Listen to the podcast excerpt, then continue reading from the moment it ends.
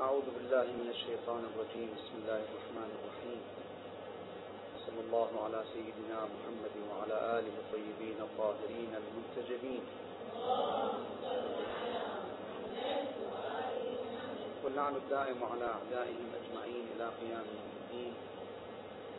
حديثنا اليوم في الوسائل الوجدانية التي من شأنها أن تثبت هذه العقيدة في نفوس الناس وجدانيا بغض النظر عن الأدلة العلمية. تعلمون أن طبيعة الإنسان الطبيعة الممتزجة التي يمتزج فيها العقل بالعاطفة هذه الطبيعة لا تتحرك دائما على أساس العلم واليقين والأدلة العلمية. كثير من الأحيان يتحرك الناس على أساس الوجدان على أساس العاطفة. ولذلك ينبغي لنا أن لا نهمل جانب العاطفة في هذه العقيدة وفي كل العقائد وهذا ما يميزنا عن بقية الاتجاهات الأخرى خصوصا الاتجاه السلفي الاتجاه الوهابي الذي يجرد الإسلام من كل عاطفة. ويجعله فكرا مجردا ويحاول أن يفصل بين الناس وبين شخصيات الإسلام ولا يسمح بقيام أي علاقة عاطفية بين الناس وبين قادتها الدينيين. فلا يسمحون أبدا بأن نحتفل مثلا بميلاد النبي الكريم صلى الله عليه وآله ولا يجيزون ولا يشرعون زيارة القبور والارتباط بأولياء الله زيارة وتحببا وتوددا كل هذا عندهم محظور. عندنا المسألة تختلف تماما. عندنا أن الله عز وجل جعل الحب والعاطفة أساسا من أسس الارتباط بالدين ووسيلة من الوسائل المهمة للارتباط بالدين. وقد سئل الإمام الصادق عليه السلام عن الحب. قال وهل الدين إلا الحب؟ الحب العلاقة القلبية الوجدانية للإنسان بالله أولا وبأولياء الله ثانيا وبالمبادئ الحقة وبالذين يحملون هذه المبادئ الحقة. هذه مسألة تم الحث عليها في الكتاب الكريم. قل إن كنتم تحبون الله فاتبعوني يحببكم الله. وغير ذلك من آيات وروايات تؤكد مسألة الحب والعلاقة. نحن كمذهب كأتباع لأهل البيت عليهم السلام تربينا على ذلك بتوجيه مباشر من أهل البيت عليهم السلام لهذه المسألة.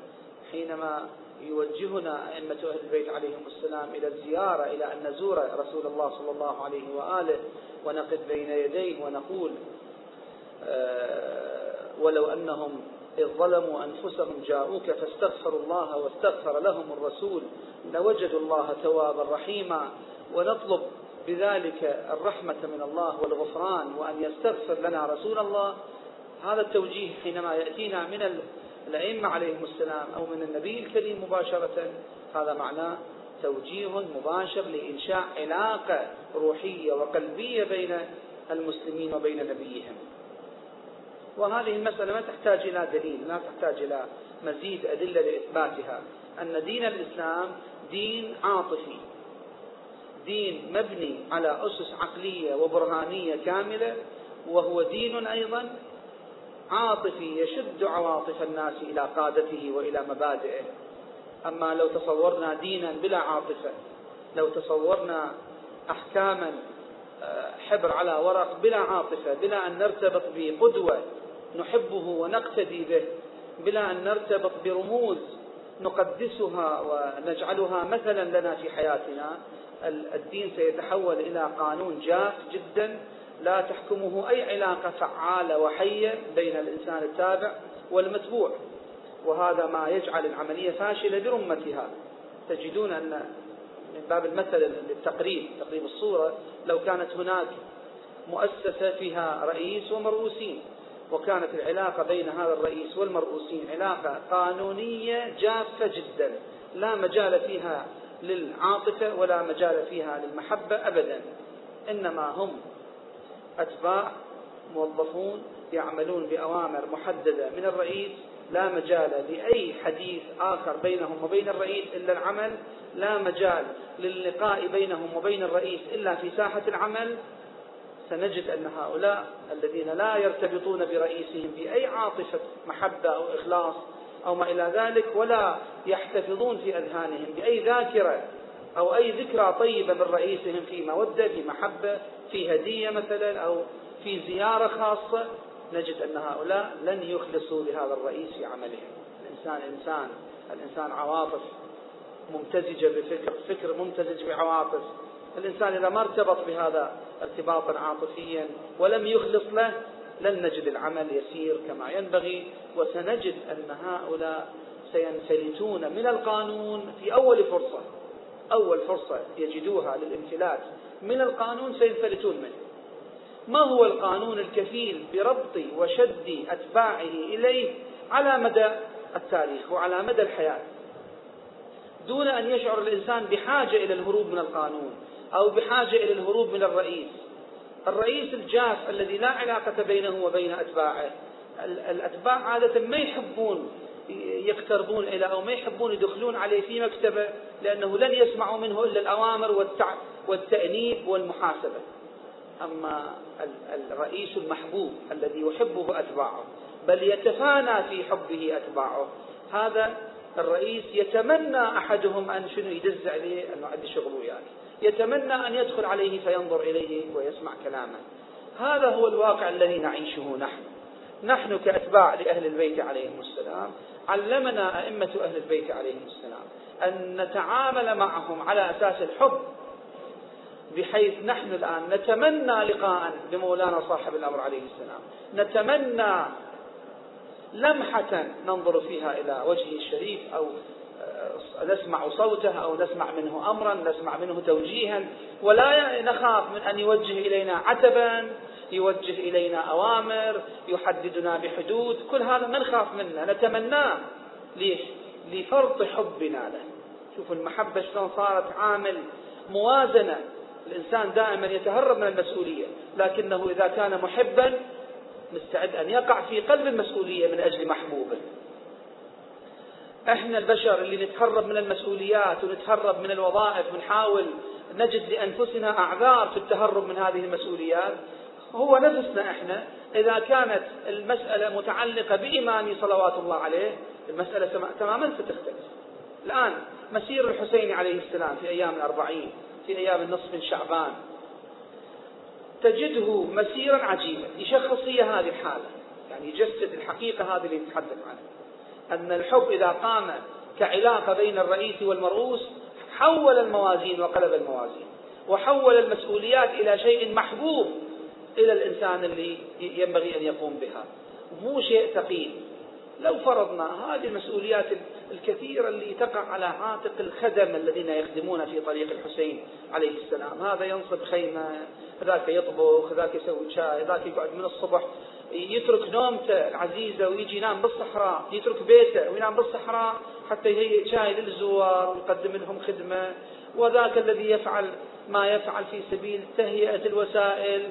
كل هؤلاء إذا درسنا أوضاعهم الحياتية ورجعنا إلى بيوتهم لا نجدهم ملتزمون بواجباتهم بشكل كما نراهم في الطريق هذا.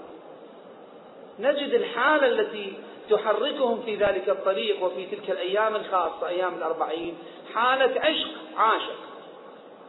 مو حالة إنسان يسمع أمرا ويريد يؤديه ولو على رغم أنفه لا القضية مو هيك.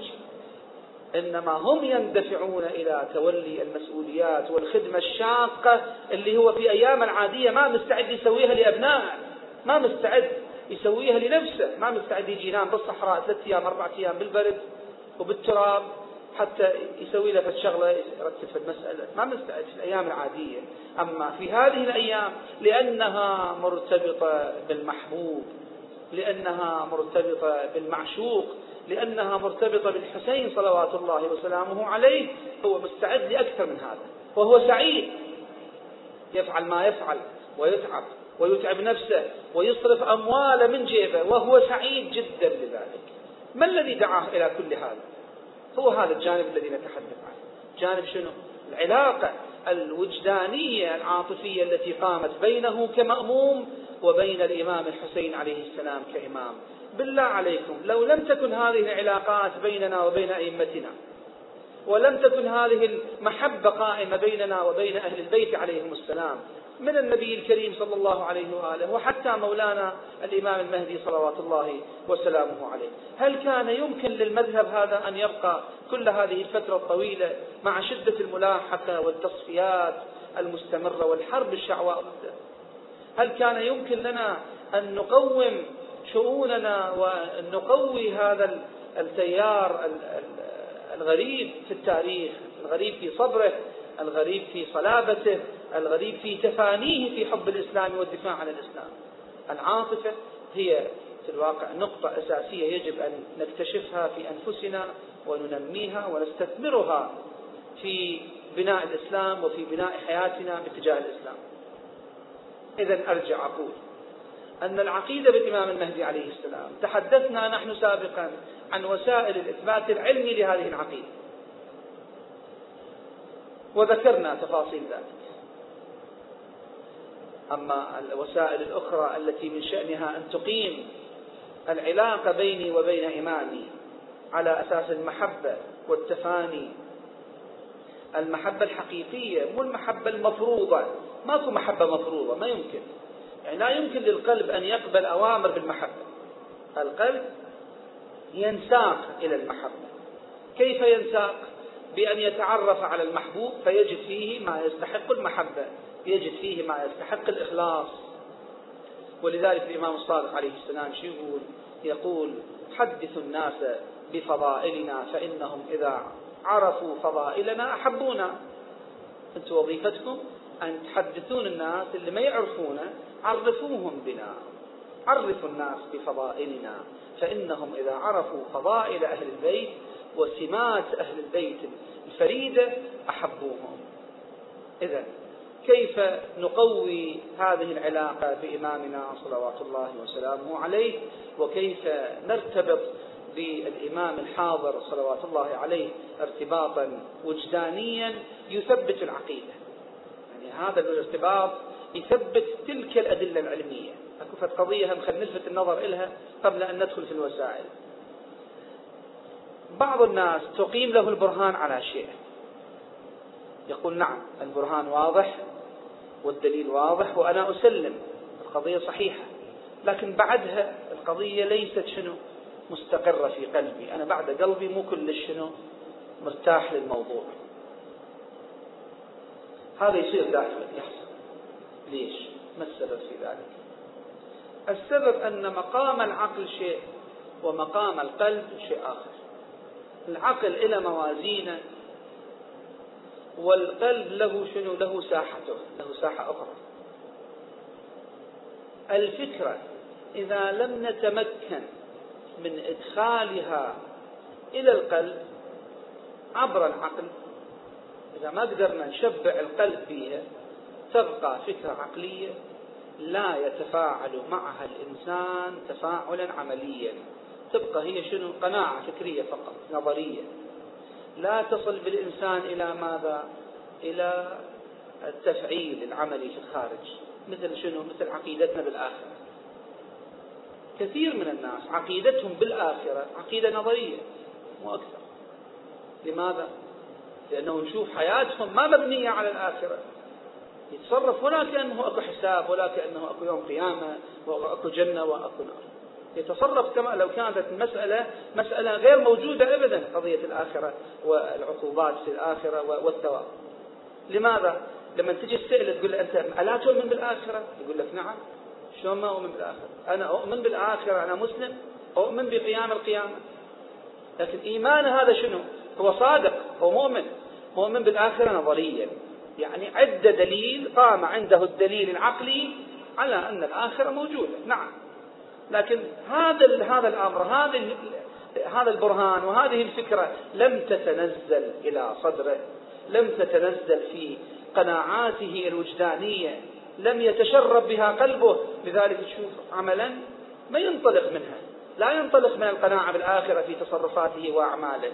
ينسى الآخرة. ومن الطريف ما حدثنا به بعض علمائنا رحمة الله عليه.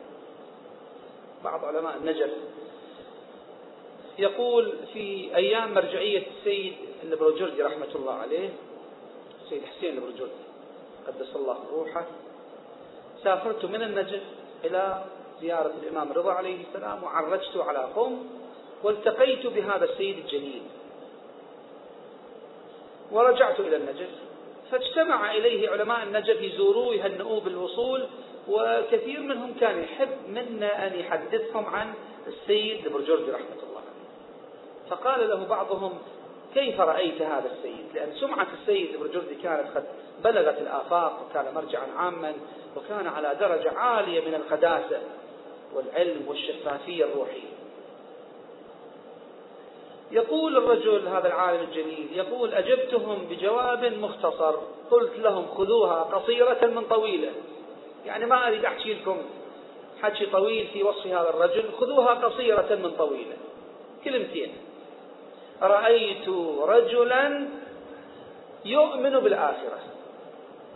هذا الجواب اللي إحنا شو يقصد بهذا؟ يقصد أن السيد البرجردي مو فقط رجل يعتقد بالآخرة اعتقاد نظري معلق في العقل فقط لا عقيدته بالآخرة عقيدة تشرب بها قلبه بحيث كل أعماله بلحاظ الآخرة كل أعماله بلحاظ أنه غدا سيكون هناك حساب تقوى ورع احتياط أخلاق إلى آخره هكذا أجابه فإذا هاي مسألة ينبغي أن ندركها جيدا أن الأفكار ما ينبغي أن نكتفي بأن نقتنع بها بعقولنا فقط. لا ينبغي أن نكتفي بأن نقتنع بأن الإمام المهدي عليه السلام ضرورة إسلامية وهو موجود حي يرزق. نقتنع قناعة عقلية مجردة فقط. الأدلة قامت على ذلك وباعتبار أن الأدلة قائمة ما أقدر أنا أنكر بس مو أكثر. أما هل تشرب قلبي بهذه القناعة؟ هل تشربت مشاعري وأحاسيسي وتفاعلت مع هذه الفكرة؟ هذا هو الذي يجب أن نحرص عليه بعد القناعة الفكرية. طبعا هنا ينبغي أن أنبه أنه بعض الناس يصل إلى الحق بمركب الوجدان فقط والعاطفة. وما يمر بشنو؟ ما يمر بما نمر به عادة من أدلة وبراهين. هذا يكون إنسان وصل مو مشكلة. ويكون يثبت عقائده بالوجدان وبالعاطفة بطريقته الخاصة هو. لكن أقول مثل هؤلاء الناس الذين آمنوا بالعاطفة فقط دون الدليل العلمي هذول معرضون للهزات. يعني إذا وجه بدليل علمي بشبهة علمية قد يقف. إلا إذا كان إيمانه ووجدانه قويا جدا كشنو كوجدان العجائز لذلك وردت الرواية عليكم بدين العجائز. يعني شنو دين العجائز؟ يعني هو هذا الدين المبني على الكشف الوجداني والعاطفي على الارتباط بالحقيقة عاطفيا ووجدانيا. بشكل لا تزحزحه أي شبهة فأقول إذا لما إحنا نذكر العاطفة مو معناه نقلل من شأن الأدلة العلمية. الأدلة العلمية ضرورية خصوصا لهذه الطبقة اللي تريد تتحرك وتعلم الناس بالوعي وتواجه فتن اجتماعية وتواجه آه، مشاكل في واقع الحياة مشاكل المدعين الكذابين غير ذلك من طبقات من الناس يحتاجون إلى وعي وأدلة. كلامنا عن العاطفة لا يعني تقليلا من شأن الأدلة العلمية.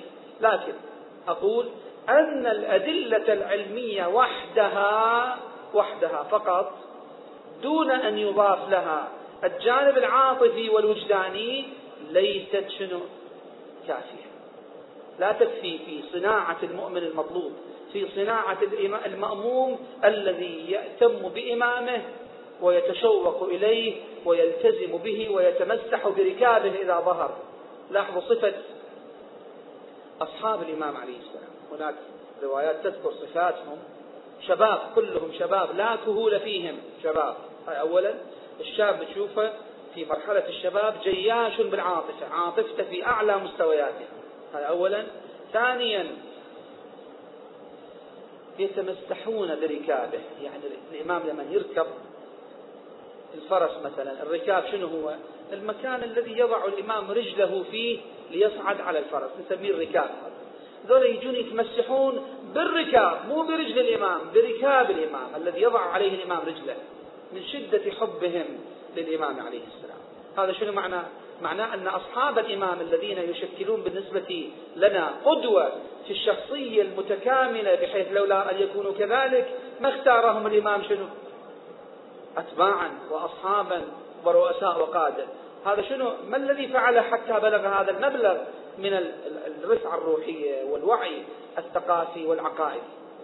هؤلاء تجدهم في غاية إظهار العاطفة والحب لمولانا صاحب الأمر صلوات الله وسلامه عليه إذا الشخصية المتكاملة اللي إحنا نسعى إلها نسعى إلى أن نكون نحن كذلك ونسعى إلى أن نربي الناس عليها هي الشخصية العلمية المحكمة التي تستطيع أن تخرج إلى الناس وإلى المحافل العلمية وإلى كل الأجواء الأجواء الصافية والأجواء الملبدة بالشبهات تخرج بماذا؟ بأدلة علمية وبأساليب قوية ومتينة ورزينة وأيضا ماذا؟ الشخصية التي تحمل الوجدان وتحمل العاطفة وتحمل الارتباط بالإمام عليه السلام ارتباطا روحيا تاما بحيث تستطيع هذه الشخصية أن تكون على الأرض شخصية فاعلة جدا متحركة بطاقة عالية وكبيرة جدا بقناعة عالية جدا ولاحظوا أن الذين قاتلوا بين يدي رسول الله صلى الله عليه وآله شنو كان قناعتهم؟ هي اللي الفكرية فقط هي اللي تمشيهم أو, أو عواطفهم أيضا. أكو شيء ممتزج مركب ممتزج من العقيدة والعاطفة. الذين قاتلوا بين يدي الإمام الحسين عليه السلام درسوا أوضاعهم. شوفوا أوضاعهم. شقد أكو عاطفة في تصرفاتهم؟ شقد أكو حب في قلوبهم للإمام الحسين عليه السلام؟ عابس شنو من مثل ضربه لنا في هذا المجال؟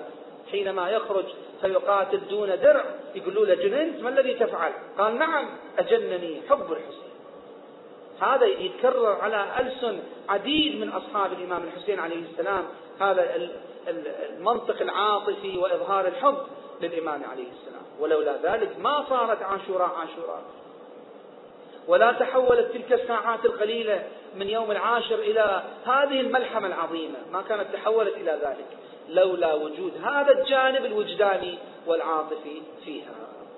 الآن اتضح عندنا إذا ضرورة أن نقرن القناعات العلمية بالقناعات الوجدانية وبالعلاقات العاطفية بالأئمة الأطهار عليهم السلام وبالمبادئ. نأتي الآن. ما هي الوسائل التي من شأنها أن تركز هذا الجانب في نفوسنا نحن الآن إن شاء الله من المعتقدين علميا عندنا أدلة كافية لإثبات إمامة الإمام الغائب صلوات الله عليه ولدفع الشبهات عن هذه المسألة. يبقى أنني حينما أختلي بنفسي أسأل هذا السؤال. هل أنا واقعا أحب الإمام؟ هل أنا واقعا مستعد لفداء الإمام بنفسي؟ هل أنا مستعد لفداء الإسلام الذي يتجسد بالإمام؟ بنفسي وبأولادي ومالي وأهلي. هل أنا مستعد لتحمل المشاق في سبيل نشر دعوة الإمام؟ إذا ثارت شبهة في مكان وصارت مشكلة في عقائد الناس مستعد أترك بيتي وراحتي وأطلع بالحر والسفر والأماكن البعيدة وأتحمل المشاق حتى أواجه هذه المشاكل وأخمد هذه الفتنة وأزيح الشبهات عن أذهان المحبوب عن أذهان الناس باتجاه المحبوب؟ عندي استعداد أو ما عندي استعداد؟ جواب إنما يكون بنعم متى؟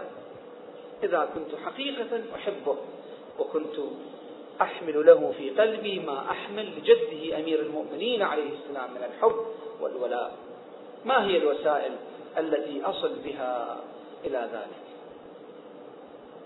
أولا يجب أن نعرف أن الإمام صلوات الله عليه هو بقية آل محمد صلى الله عليه وآله.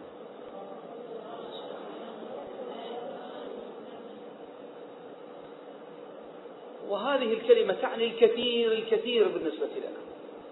بقية آل محمد آل محمد الذين أولهم رسول الله صلى الله عليه وآله وتاليهم التالي لرسول الله علي بن أبي طالب. بما يحمل من فضائل وتاريخ بما نحمل له من محبة وود وولاء بما يشكل هذا الإنسان رمزا لنا رمزا لإيماننا رمزا لاستقامتنا رمزا لثباتنا على الدين. بقية آل محمد تعني أنه بقية الزهراء عليه السلام. هذا هو بقية الزهراء. بقية الحسن والحسين. وارث هذا الخط. شنو عندي أنا من حب من عواطف تتجه إلى رسول الله؟ تتركز به وتتركز في أمير المؤمنين وتتركز في أولاده في الزهراء عليه السلام وتتركز في الإمام الكاظم. وتتركز وتتوزع على الأئمة الأطهار عليهم السلام. شنو من عواطف عندي تجاه كل هؤلاء الأئمة الأطهار والأنوار الباهرة هذه كلها ينبغي أن تتركز في هذا. هذا المغيب هذا هو خلاصة أولئك الذين أحبهم وأبكيهم ليل نهار والذين أتتبع آثارهم وأريد أن أقتدي بهم وأتوسل إلى الله بشفاعتهم وأطلب إلى الله حوائجي ببركتهم ودعائهم. هذا خلاصة أولئك. هذا إذا تذكرناه دائما وخليناه في أذهاننا أن الإمام المهدي صلوات الله عليه خلاصة ذلك الخط الطاهر. خلاصة من أحب من آل محمد. القضية راح تتركز جدا. راح ينشأ عندي فتنشأ عندي علاقة خاصة بالإمام عليه السلام. أتشوق إليه لأنظر في وجهه إلى ماذا؟ إلى وجه رسول الله صلى الله عليه وآله. أشتاق إلى نور محياه كما أشتاق إلى النظر إلى أمير المؤمنين عليه السلام. إذا نظرت إليه يذكرني بالزهراء عليه السلام. هو ذلك النور متلخص فيه. وهكذا بقية الأئمة الأطهار عليهم السلام إذا نظرت إليه كأني أنظر إليهم جميعا. هذه واحدة. الأمر الثاني بقية الله خير لكم إن كنتم مؤمنين. وهو بقية الله. هذه مسألة ثانية. أن هذا الرجل الله تبارك وتعالى من كل خلقه السابقين والحاضرين والآتين اختاره ليكون حجته في أرضه. ومن يختاره الله عز وجل ليكون حجة له في أرضه. ما هي الصفات؟ ما عساه أن يحمل من صفات. ما عساه أن يكون في إيمانه. ما عساه أن يكون في علمه. ما عساه أن يكون في عدله. ما عسى أن يكون في عاطفته تجاه الناس في رحمته في أخلاقه. ما عساه أن يحمل من صفاته. مجمع الكمالات. فبقية الله في الأرض الذي يحمل كل هذه الصفات التي لا يستحقها إلا الحجة هذا يصير مصب علما مصب للإعجاب مصب للحب مصب للتعلق بلا شك. الإنسان بطبيعته مفطور على حب الكمال وحب من؟ يحمل الكمال. وإذا رأيت أن هذا الشخص هو مجمع كمالات البشر هو مجمع كمالات البشر كيف لا أحبه؟ إذا كنت أحب الكمالات. هذه رقم اثنين. الأمر الثالث من وسائل الارتباط الوجداني أن أقرأ عن الإمام عليه السلام صفاته. حينما نقرأ الروايات النبوية وروايات بقية الأئمة الأطهار عليهم السلام عن صفاته أزداد تعلقا به. لأن كل ما أقرأ في صفاته أشوف هذه الصفة تشير إلى أحد من أحب هذه تشير إلى صفة أمير المؤمنين. هذه تشير إلى صفة النبي الكريم صلى الله عليه وآله. أشوف أن هذا الإمام هو في الواقع شنو؟ في صورة مجسدة صورة تجسد أولئك. فالقراءة عنه هاي وسيلة من الوسائل. القراءة عنه تعرفني أكثر بشكله الشريف منظره بمنظره الكريم. المهابة النور الرزانة الهيبة حسن السمت كل هذه الصفات المذكورة إذا قرأتها وتعمقت فيها الإنسان يبدأ يتعلق بشيء محسوس. والبعض يقول أنا شلون أحبه وما شايفه. طيب هذه الصورة تقرب. يعني أنت أولا الحب مو مرتبط بأن تراه. الحب مرتبط بالصفات. فإذا علمت أن شخصا ما في الغيب لم تره يحمل هذه الصفات. يكفي ذلك لي الشعور بالحب له. هذا أولا. ثانيا هذه الروايات تحاول تقرب لنا صورته. يمكن لنا بهذه الصورة أيضا أن نتعاطى معها وأن نتعلق بها. الأمر الثالث هذا الكم الهائل الوارد عندنا من الأدعية والزيارات التي تتحدث عن صفاته وعن أحواله وتعلمنا كيف نسلم عليه وكيف نوده. وكيف ندعو له صباح مساء. كل هذه بكثرة موجودة من وسائل تثبيت العقيدة وجدانيا. يعني دعاء العهد الذي ورد عن الإمام الصادق عليه السلام أن من قرأه أربعين صباحا كان من أصحابه عليه السلام. ولو مات يبعث ويرجع من قبره بكفنه. هذا الدعاء قراءته بشكل مستمر قراءة لمضامين عالية تربط الإنسان بإمامه ودائما تخليه يشتاق إلى إمامه. اللهم أرنا الطلعة الرشيدة والغرة الحميدة واكحل ناظري بنظرة مني إليه وعجز فرجه إلى آخره. أمثال هذه العبارات التي ترد هنا وهناك هذه دائما تخلي الإنسان في جو الارتباط العاطفي وفي جو الشد الروحي إلى الإمام عليه السلام. من الوسائل أيضا الأخرى تلك الروايات التي تتحدث عن قصص اللقاء به. طبعا موضوع الأدعية والزيارات ما أحتاج إلى المزيد في التأكيد عليه قبل أن أغادر.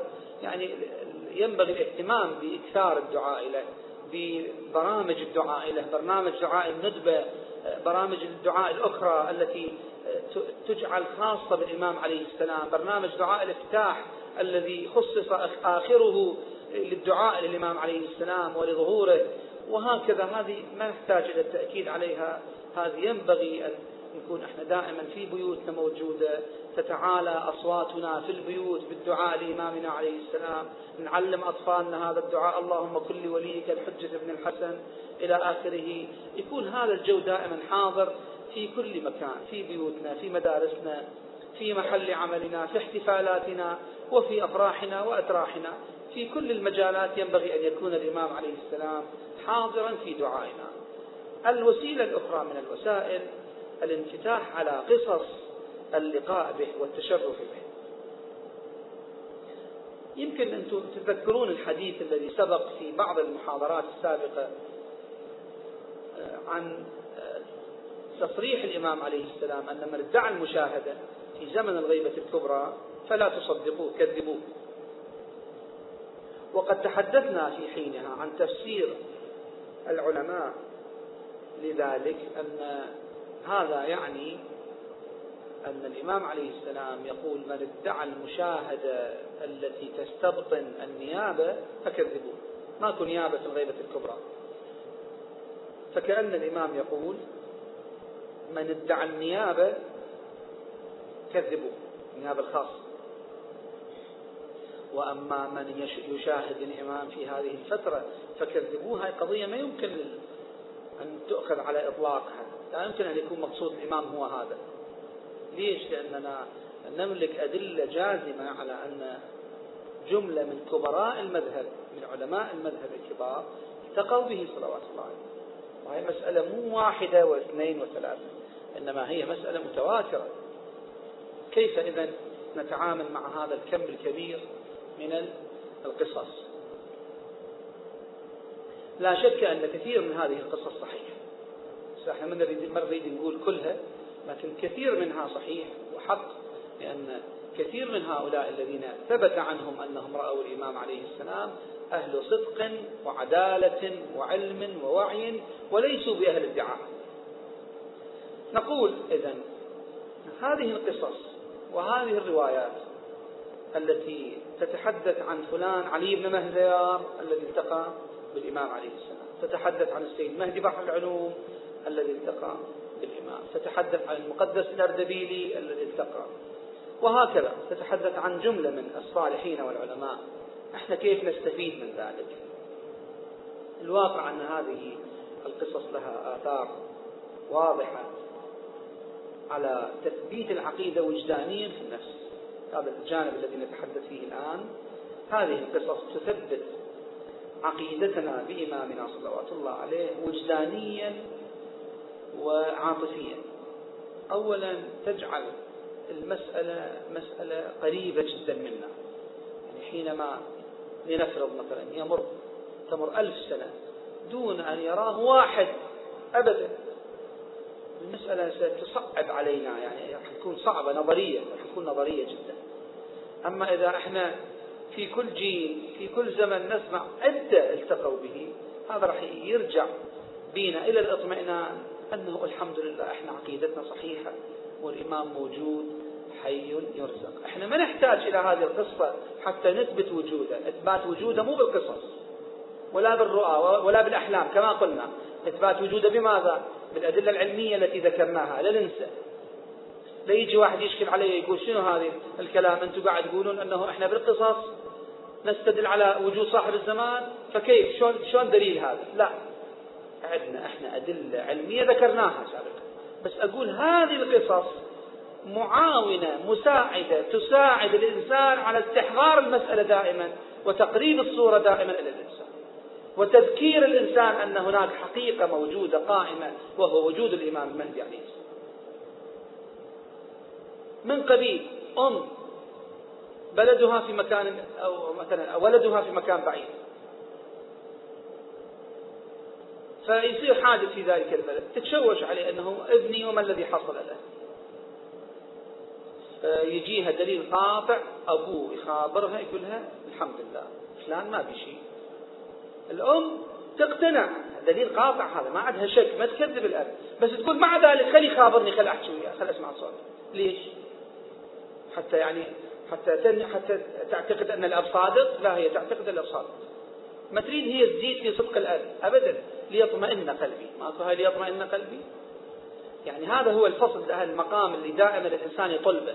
بعد أن يقتنع بالمسألة علميا ما يكتفي يقول قلبي أريد يرتاح ليطمئن قلبي. اطمئنان القلب غير شنو؟ غير القناعة العلمية كما ذكرنا. فإذا هذه القصص من شأنها أن تنزل الفكرة إلى القلب. وتجعل شنو؟ ليطمئن قلبي. هاي متحققة في في أنفسنا. إبراهيم عليه السلام إحنا مو مو أكثر من إبراهيم. إبراهيم عليه السلام مو قال ليطمئن قلبي. قال أولم تؤمن؟ قال بلى ولكن ليطمئن قلبي. آمنت نعم عندي إيمان لكن ليطمئن قلبي. القلب أكو إلفت متطلبات ومستلزمات أخرى. مستلزمات العقل تامة. العقل صدق وبرهن وانتهى الموضوع. ما عندي شك في العقيدة العقل لكن عندي قلب يريد شنو؟ يريد حس يريد شيء يحاكيه يريد شيء يطمئن به. هذا هو اللي نقوله أن هذه القصص من شأنها أن تعطي للقلب زيادة في الاطمئنان وزيادة في قرب المسألة وعدم بعدها. أنه الحمد لله الإمام بين أظهرنا يرانا يرعانا. مثلا يجي واحد يقول كما حاصل هو ما يحتاج إلى إثبات. أن الإمام عليه السلام يزور الحسين عليه السلام في كل ليلة جمعة. هذه عقيدتنا إحنا. هذه موجودة. بس هذه عقيدة عندي أنا موجودة وأنا مصدق بها تماما. لكن حالتي الآن ستختلف عن حالة فيما لو رحت الكربلاء في الجمعة القادمة ليلة الجمعة القادمة ولو فرضنا لو فرضنا تشرفت برؤية الإمام عليه السلام. شفت؟ شفت يطوف حول شباك الحسين عليه السلام.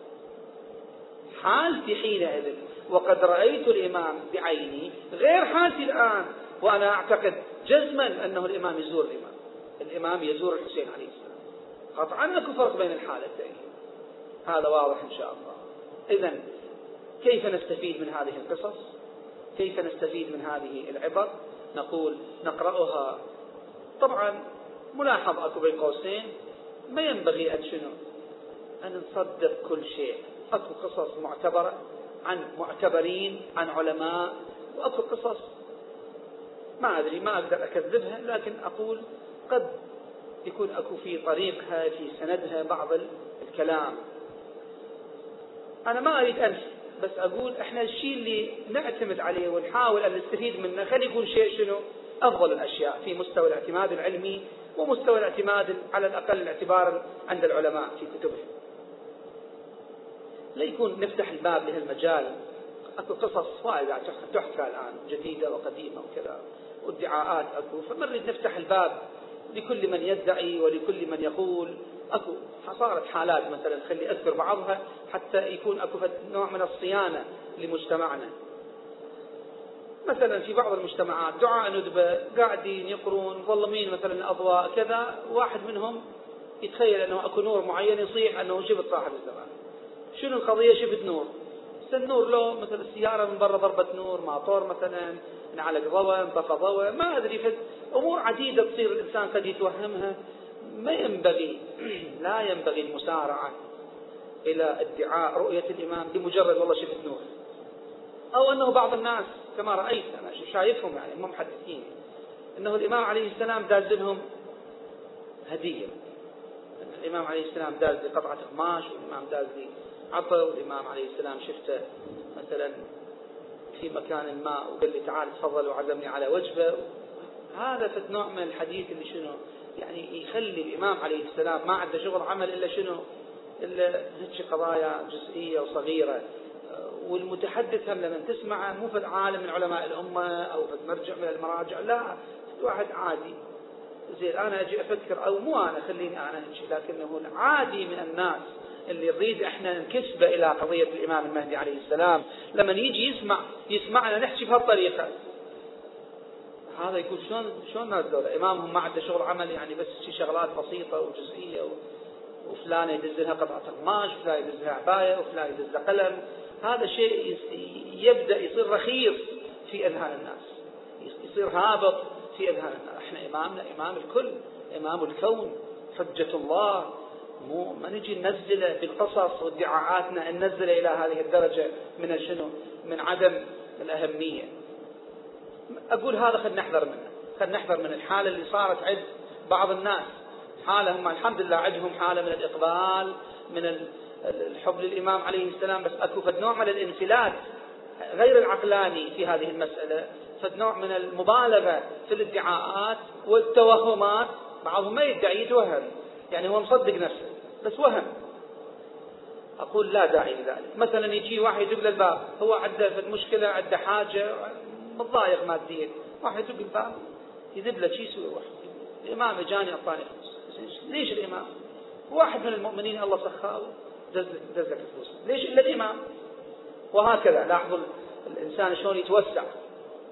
أنه أنا الإمام صاحب الزمان هو سوى لي هاي الشغلة. هو بنفسه اجى ليش هو بنفسه؟ هو دز واحد. أو واحد من المؤمنين اتهم بك وهو اجى ساعدك. بالنتيجة هي كلها ترجع إلى بركات الإمام. بس ليش ندعي أنه الإمام هو إجاني والإمام هو قال لي والإمام هو فعل وفعل كذا؟ مثلا واحدة من المؤمنات الله يعطيها العافية آه، تحكي عن نفسها أنها كانت في الطواف وقد رأت حشدا عظيما من الناس. وخافت أن تفسد في الطواف.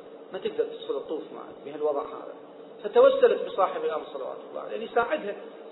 يعني يساعدها بدعائه وبشفاعته أن يسهل عليها شنو؟ الطواف. فتقول بهالأثناء لاح لي شخص أشر لي بهالإشارة فأمسكت بتلابيب ثوبه مسكت بثوبه لأنه هو غريب ما أعرفه من هو. وبدأ يطوف بكل سهولة طاف بي حول المطاف إلى أن كملت مطافي بكل سهولة. شيء. الحمد لله هذه عناية. عناية أيضا منه صلوات الله عليه بدعائه.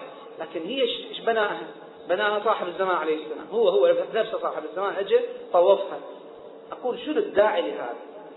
يعني هل يكفي أنه توسلت بصاحب الزمان وإجا واحد طوفها؟ يعني هذا هو صاحب الزمان؟ هو واحد دز صاحب الزمان. صاحب الأمر عليه السلام. عظيم الشأن.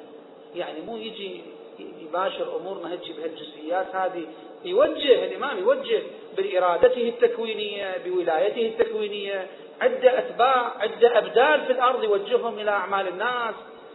على كل حال القضية أقول خلي نصير عقلانيين في هذه المسألة حتى شنو؟ لا نضر الفكرة. أكو أفكار تتضرر بسبب أصحابها.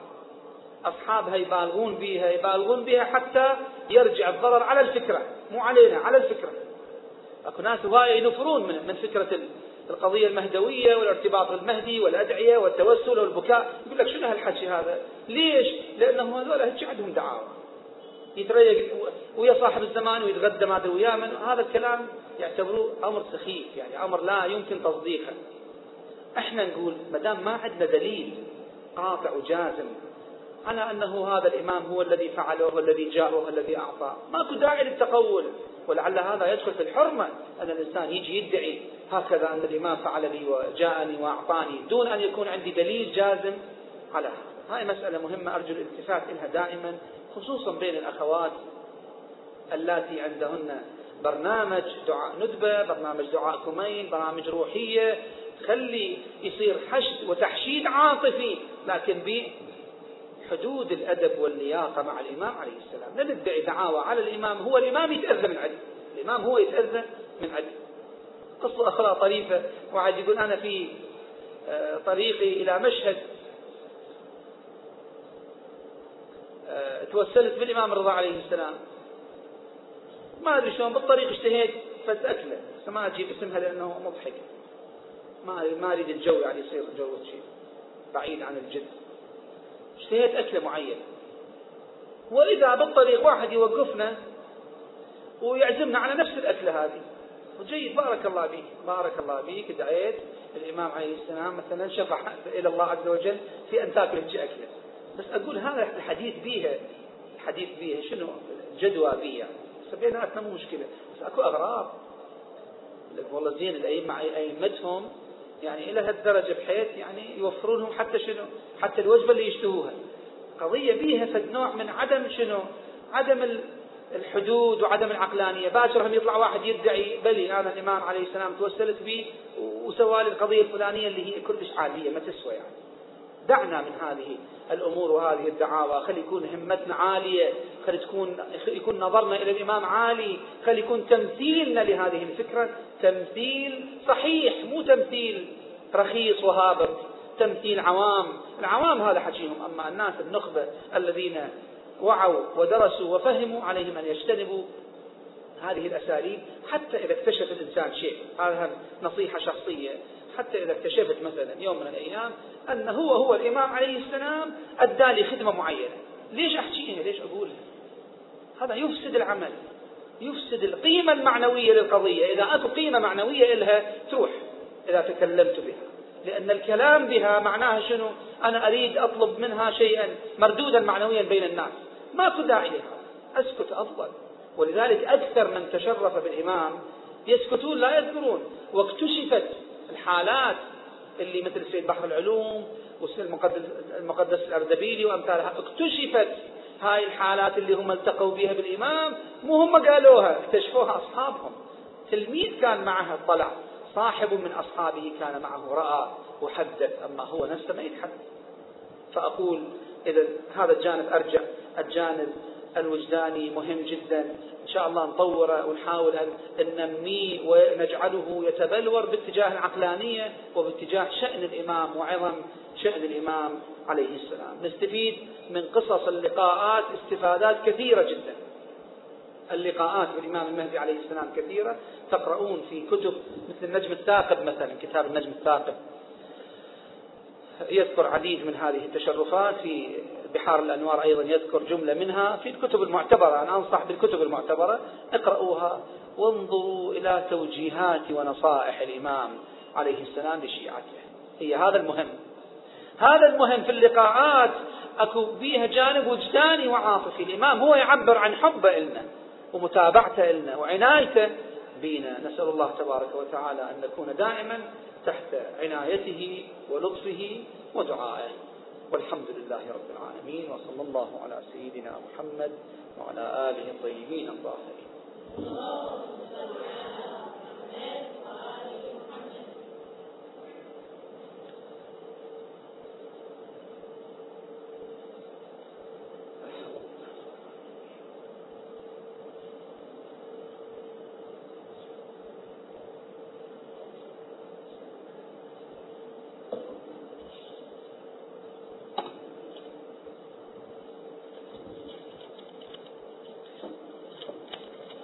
هل ستستمر دولة المهدي عليه السلام من حيث رفاهيتها وأمانها حتى قيام الساعة؟ المفروض هذا المفروض أن هذه الدولة الله عز وجل يختم بها مسيرة البشرية وتقوم القيامة عليها إلا أنه أكو روايات لا أدري مدى اعتبارها. أكو روايات تشير إلى أن الساعة تقوم على شر الناس. يعني بعد الإمام المهدي وبعد دولته وبعد الحجج الذين يأتون بعده تزول هذه الدولة ويرجع الفساد وتقوم القيامة على أناس فاسدين. هذا في الواقع ما يمكن. يعني من جهة عقائدية ما نقدر نتبناه. روايات ضعيفة لا أدري مدى اعتبارها. إلا أنه من جهة عقائدية من جهة فلسفة الدين أساسا وفلسفة الابتلاء الآن اللي إحنا به وفلسفة قيام الإمام المهدي. ما يصير الله عز وجل بعدين بعد هذه الدولة التي هي خاتمة الدول يرجع الأمر كما كان من حيث الفساد. شنو الثمرة شنو؟ حديث شنو الثمرة؟ فإذا إحنا هذا عقائديا ما ينسجم مع ما تقول إذا كان الإمام المهدي عليه السلام ينتقم من أعداء دينه ويقضي عليهم جميعا هل هذا لا ينفي هل هذا لا ينفي العقاب والحساب في الآخرة للكافرين من قبل الباري عز وجل؟ لا لا ينفي الذين يقاتلهم الإمام المهدي عليه السلام ويقتلهم على الكفر والنفاق يحاسبون يوم القيامة أيضا. الحساب موجود. هل سيكون الدين الإسلامي هو الوحيد على الأرض؟ وما معنى ما ورد في الروايات أنه يحاكم أهل الإنجيل بإنجيلهم وأهل التوراة بتوراتهم؟ نعم الدين الإسلام الإسلامي يكون هو الدين الوحيد في الأرض. ويكون الدين كله لله يعني الإسلام فقط لا دين غير الإسلام. وأما معنى أنه يحاكم أهل الإنجيل بإنجيلهم يعني يحتج عليهم ليثبت أنه هو الإمام المهدي بإنجيلهم. مو أنه يبقى يحكم بالإنجيل لأهل الإنجيل ويبقى يحكم بالتوراة لليهود يقول لهم على رسلكم ابقوا على ديانتكم وأنا أحكم بيناتكم بالتوراة. ماكو شيء أبدا. الإسلام هو الحكم الفصل في هذه المسائل. إنما يتحاكم أو يحاكمهم إلى الإنجيل والتوراة حتى يثبت ما يقول يعني حتى يحتج عليهم بكتابهم مو أكثر. فإذا احتج عليهم وثبت لهم أنه هو المهدي الحق وجب عليه متابعته. وإذا لم يتابعوه كانوا من ممن يحكم عليهم بالقتل.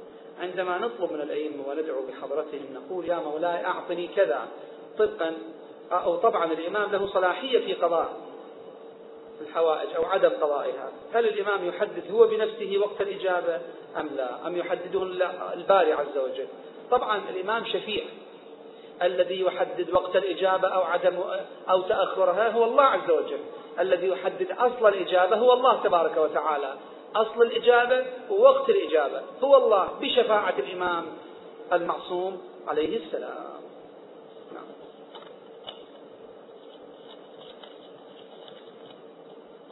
ورد في الجامعة الكبيرة حتى لا يبقى ملك مقرب ولا نبي مرسل ولا صديق ولا شهيد إلى إلا عرفهم جلالة أمركم وعظم خطركم السؤال حسب ما ورد في النص أن الخلائق بأصنافها قد عرفه الله عظم آل محمد من جلالة الأمر وكبر الشأن وتمام النور. ثم نرى أن من أدعية عصر الغيبة ما ورد اللهم عرفني نفسك فإنك إن لم تعرفني نفسك لم أعرف نبيك إلى آخره. فما هو ميزان المعرفة بالحجة التي آه، تعلم من من الضلال؟ ثم ما الفرق بين المعرفتين؟ الله تبارك وتعالى عرف الملائكة المقربين والأنبياء المرسلين والصديقين والشهداء عرفهم جلالة أمر أهل البيت عليهم السلام كما عرف الناس جلالة أهل البيت عليهم السلام في عالم الذر العالم الأول الذي كنا فيه كانت الأرواح فيه ثم حينما ابتلانا بالنشأة هذه نشأة الدنيا في دار الدنيا ابتلانا بامتحان ماذا؟ بامتحان ولاء هؤلاء ومعرفتهم من جديد. فمن سار إلى معرفتهم بالطرق الطبيعية الميسرة في الدنيا اقترب إلى حقيقة معرفته في عالم الذر وبدأت الحقيقتان تقتربان ومن ابتعد ابتعد. فهذا معنى المعرفة المقصودة هنا. الله عز وجل حينما يذكر الملائكة المقربين والأنبياء هؤلاء الذين ثبتوا على العهد. أما بقية البشر الذين ينسون الذين ينسون ما كان في عالم الذر فهذا الأمر مرهون بتعلمهم ومرهون بماذا؟ بجهدهم حتى يعرفوا. ولذلك ندعو دائما اللهم عرفني نفسك. إحنا بدون السعي إلى المعرفة لا نعرف. بدون أن يعرفنا الله عز وجل لا نعرف. إذا خرج الإمام بواسطة أي شيء يهم الأرض العدل القسط الرخاء والإنسان عبارة عن خليط إرادة عقل شهوة. فهل الإمام يقضي على الشهوة في داخل الإنسان بالتالي تصبح حياة الإنسان أشبه بحياة الملائكة. لا. الإمام عليه السلام حينما يخرج صلوات الله عليه ما يزيل الغرائز؟ ما يزيل من الإنسان غرائزه؟ يبقى الإنسان عنده غريزة الزواج غريزة الطعام غرائز الأخرى موجودة. إلا أنه يكمل العقول الإمام عليه السلام يكمل عقول الناس فإذا كمل العقل أصبحت كل الغرائز تحت سيطرته وسلطته أما أن الغرائز تزول فلا. هل يستطيع الوالي أو ما أدري شنو أن يقول أني رأيت الإمام بدون أن يكون من مدعي السفارة أو ادعاء آخر؟ هل يصبح مدعي كاذب؟ آه، يمكن للإنسان أن يدعي الرؤية بلا ادعاء سفارة أو نيابة أو ممكن. مو كاذب. هذا ممكن وحاصل. هذا حاصل. أني رأيت الإمام في الرؤيا. أني رأيت لكنه ما أدعي شيء. ما أقول تعالوا طيعوني تعالوا الإمام نصرني كذا أنا آه، نائب الإمام إليكم وصيه ما قال. أبدا ما كنت ادعاء مجرد شفته. ماكو مشكلة. ما نقدر نكذب يعني. ماكو داعي لتكذيبه. ذكرتم في المحاضرة الأولى الأسس التي تقوم عليها العقيدة المهدوية وكانت تلك الأسس في إطار الإسلام ولم آه، نكمل ما بقي من المحاضرة عن إطار الإنسان العام. أعتذر عن الاستمرار بهذا الحديث يعني إطار الإسلام العام لأنه إحنا محددين بمحاضرات خمسة فقط. الأخيرة غدا ستكون. وكان لابد أن نعطي جزءا من هذه المحاضرات شطر منها للجانب الوجداني اللي هو اليوم وغدا إن شاء الله. فنترك المسألة إلى فرص أخرى إن شاء الله.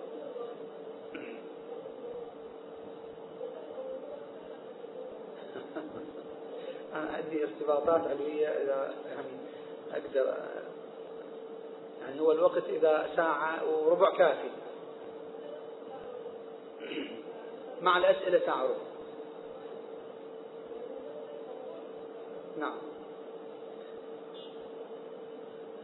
قلتم أن السفراء مثل اليماني والحسني هم السفراء الحقيقيين وهم غير مدعي السفارة؟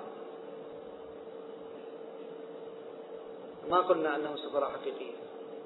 اليماني ليس سفيرا والحسني ليس سفيرا أبدا. هم شخصيات سياسية عادية بس أخبرت بهم الروايات. ليس سفيرا أحد, منهم لا يدعي السفارة. وهم يجب عليهم أن يتبعوا الفقهاء صحيح. فما عملهم إذا كانوا يجب أن يتبعوا الفقهاء؟ ما عملهم؟ هم ناس كما قلنا اليماني والحسني أشخاص سياسيين عندهم قدرة سياسية وتحرك سياسي عام. وهذا التحرك السياسي ينبغي أن يكون في إطار عمل الفقهاء وشرعية الفقهاء.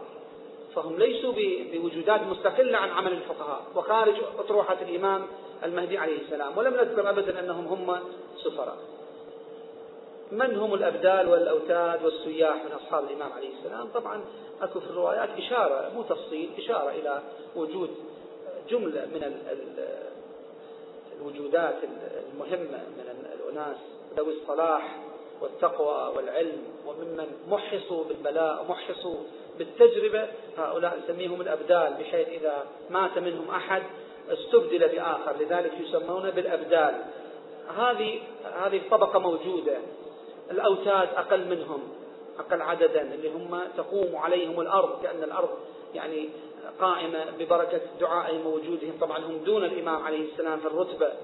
السياح الذين يسيحون في الأرض يكلفهم الإمام عليه السلام بتكاليف مختلفة كل شلون الجنود والموظفين عند الإمام المكلفين بمباشرة شؤون عديدة في أنحاء العالم. وهذا ما نعبر عنه بحكومة الإمام الحكومة الخفية للإمام عليه السلام. الإمام عليه السلام هذا بحث آخر إن شاء الله إذا الله وفقنا إلى عند حكومة عالمية في الظل حكومة ظل كما هو التعبير السياسي حكومة ظل يعني مو حكومة معلنة في الواجهة بل هي حكومة لها قدرة على التصرف في مساحات معينة بالسر والكتمان. الإمام عليه السلام بيد هذه الحكومة وبيد هؤلاء وهؤلاء هم جنوده في تسيير شؤون هذه الحكومة في الظل. هل نستطيع اعتبار الزرقاوي لعنه الله هو الشيء الصباني المذكور في الروايات الشريفة؟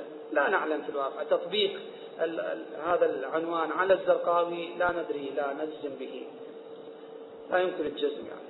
هل صحيح أن من علامات الظهور المبارك منع أهل العراق من الحج ثلاث سنين؟ وأن هذا خبر متواتر؟ لا مو قضية متواتر. أكو موجود شيء. أكو حجوا قبل أن لا تحجوا أيضا.